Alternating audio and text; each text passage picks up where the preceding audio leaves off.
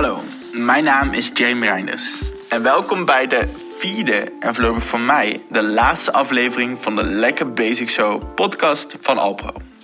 Ik heb nu bijna een jaar lang samengewerkt met Alpro en ik ga je vertellen wat me is opgevallen aan onze samenwerking en wat ik geleerd heb van het jaar 2020. Natuurlijk beantwoord ik ook weer een aantal vragen die ik van jullie op mijn Instagram-account ontvangen heb. Dat zijn onder andere hoe behoud je je motivatie om te blijven sporten en bewegen tijdens deze lockdown? Wat eet ik zo op een dag? En de beruchte vraag die daarbij aansluit: hoe kom je aan je eiwitten als je plantaardig eet? Tijdens de samenwerking met Alpro ben ik me er opnieuw van bewust geraakt hoeveel mogelijkheden er zijn op het gebied van plantaardig eten. Ik herinner me nog heel goed toen ik vijf jaar geleden begon met plantaardig eten. Er heel veel producten waren die ik ineens niet meer kon eten. En er bestonden toen ook nog amper plantaardige vervangers of opties in de supermarkten en restaurants. Dat maakte, dat maakte het soms wel zwaar om het vol te houden.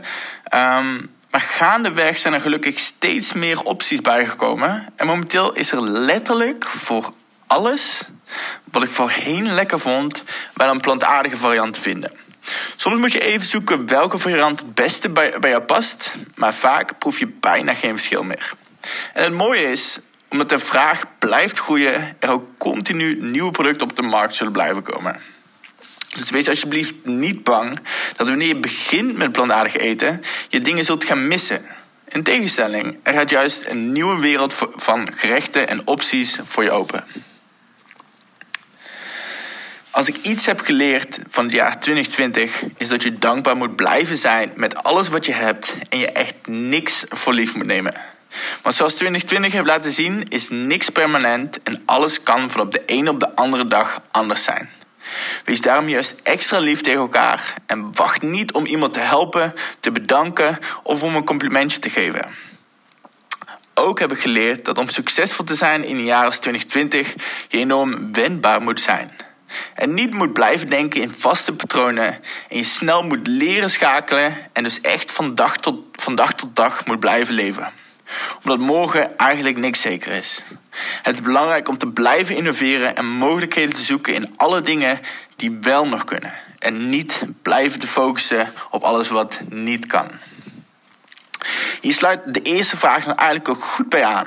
En dat is hoe je motivatie om te blijven sporten en bewegen behoudt in een lockdown. Wat voor mij persoonlijk geholpen heeft, is om te beginnen met het opschrijven van alle oefeningen die ik wel nog thuis kan doen. En je zult versteld staan, dat zijn er vaak nog een heleboel. Wanneer je dat gedaan hebt, is het eigenlijk belangrijk, als je deze ruimte hebt, om, om een aparte hoek of kamer in je huis zo in te richten dat je hier, dat je, hier je dagelijkse beweging kan doen. Want hoe meer stappen jij moet ondernemen om te gaan sporten, des te moeilijker het je maakt. Dus maak het jezelf zo makkelijk mogelijk om die stap te gaan zetten om te gaan sporten. Vervolgens helpt het om altijd op een vaste dag, vast tijdstip te gaan sporten.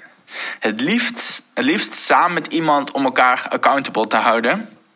En weet dat het altijd beter is om iets te doen dan helemaal niets. Dus al is het maar een workout van 5 minuten, het houdt je wel om de consistentie van het trainen erin te houden. En het laatste wat ik hierover ga zeggen klinkt misschien vreemd, maar wat ik zelf heb gemerkt in mijn trainingen is om eigenlijk uh, niet altijd die volle 100% te geven. Vaak, vaak wanneer ik echt tot het gaatje ben gegaan in een training, ben ik de volgende dag en vaak ook de dag erna niet veel meer waard. En heb ik weinig energie. Ik haal, ik haal dus eigenlijk meer uit mijn trainingsweek wanneer ik elke training maar 90% geef. Hierdoor heb ik weer energie over voor de, voor de, voor de volgende dag. En blijf je op de lange termijn consistente trainen, trainen en haal je dus meer resultaat en plezier uit hetgeen wat je doet. Een boekentip die bij deze vraag aan zou sluiten is het boek Atomic Habits van James Clear. Daarin legt hij uit hoe kleine veranderingen grote gevolgen in je gewoontes kunnen hebben. Als ik zelf terugkijk op 2020 en afvraag of ik eigenlijk fitter, gelijk of minder fit ben geworden tijdens de corona, weet ik dat ik zeker wel progressie heb geboekt als atleet. Ondanks dat ik niet alle, altijd alle fancy materialen tot mijn beschikking had, waren er altijd wel genoeg dingen die ik wel kon blijven doen. Ik ben me nog juist opnieuw van bewust geworden dat je nooit goed genoeg bent in de basics. Um, om progressie te kunnen blijven boeken um, in je sport. Je kunt namelijk altijd beter slapen, beter eten, je mindset blijven trainen, blijven stretchen. En, en juist de meest simpele oefeningen zijn vaak het effectiefst. De laatste twee vragen die ik ga, die ga uh, beantwoorden, zal ik uh, samen behandelen. En dat zijn: wat eet je zo op een dag? En de meest beruchte vraag van allemaal. Ik zat er eigenlijk van te kijken dat ik hem nog niet eerder behandeld heb. Maar dat is hoe ik aan eiwitten kom op een plantaardig dieet. Ik zal proberen een normale dag te schetsen en hierbij een aantal voorbeelden te, te geven. En om te beginnen bij het begin, en dat is mijn ontbijt. Dat is bijna altijd wel hetzelfde. Dat is warme havermout met noten, zaden en blauwe bessen. En ook hierbij gaat het vaak om de details. Om juist wat extra proteïne hier aan toe te voegen, um, gebruik de Alpro Protein Sojadrink om de oats mee te mengen. En als je precies wilt weten wat ik er allemaal aan toevoeg, check dan even een aantal posts terug, uh, posts terug op mijn Instagram tijdlijn. Hier heb ik de ingrediënten al een keer eerder gedeeld. Als lunch eet ik eigenlijk vaak het diner van de dag ervoor. Dus hierbij meteen een tip. Wanneer je je avondeten kookt, kook altijd wat extra. Want het is vaak een kleine, eh, kleine moeite om net een, iets grotere portie te maken. Want het, eh, dat kun je dan eh, gemakkelijk als lunch voor de volgende dag gebruiken. Maar um, wanneer ik dit niet gedaan heb, eet ik smiddags bijvoorbeeld um, scrambled tofu met groentes. Of zelfgemaakte hummus met kiemgroenten en avocado. Of soms gewoon heel Hollands een broodje pindakaas, een broodje jam um, of een broodje hagelslag. Um, maar wanneer je aan je eiwitten wilt kopen, uh, komen op een plantaardig dieet, zijn producten zoals tofu, tempeh en seitan zeker een stapel um, in mijn dieet. Dit zijn gezonde producten en ook hoog in eiwitten. Alleen het is belangrijk dat je verschillende manieren leert om ze te bereiden. Een ander product dat ook hoog is in eiwitten zijn linzen en andere pulvruchten. Die eet ik vaak s'avonds in een linzencurry van Indonesische daal samen met rijst en groentes. Of bijvoorbeeld spaghetti bolognese, waarbij je het recept, waarbij je het recept hetzelfde houdt, maar het gehakt vervangt door linzen of door plantaardig gehakt. En daarnaast, zoals ik al eerder genoemd had, zijn er ook steeds meer lekkere vleesvervangers.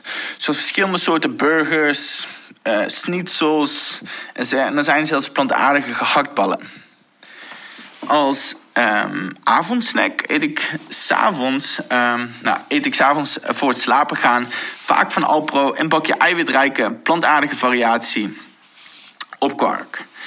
Um, samen met het granola, wat verse aardbeien en vaak ook een klein beetje agavesiroop. Na het trainen neem ik natuurlijk um, een plantaardige eiwitshake van Orange Fit. En verder gedurende de dag eet ik veel fruit. Daar kan je echt niet genoeg van eten. Mijn uh, drie lievelings tussen haakjes snacks zijn momenteel um, pure chocolade, gedroogde mango en pistachenootjes. Ook brengt mijn vriendin Nienke van Overveld eind januari um, een receptenboek uit met eiwitrijke plantaardige gerechten die wij vaak eten. Dus hou haar ook goed in de gaten. Um, de laatste tip die ik hier eigenlijk over ga meegeven.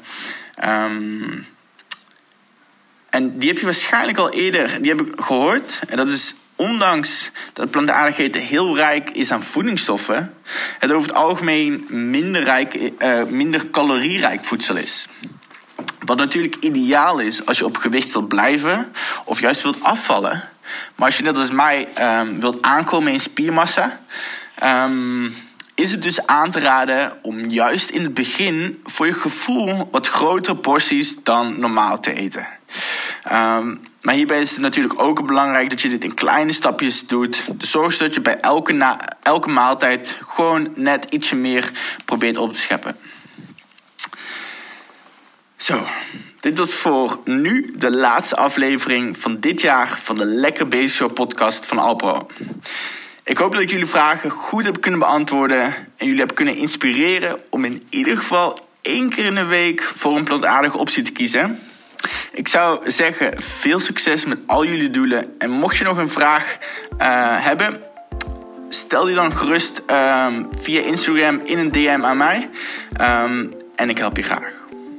Dit was hem. Alvast een gelukkig nieuwjaar en cheers.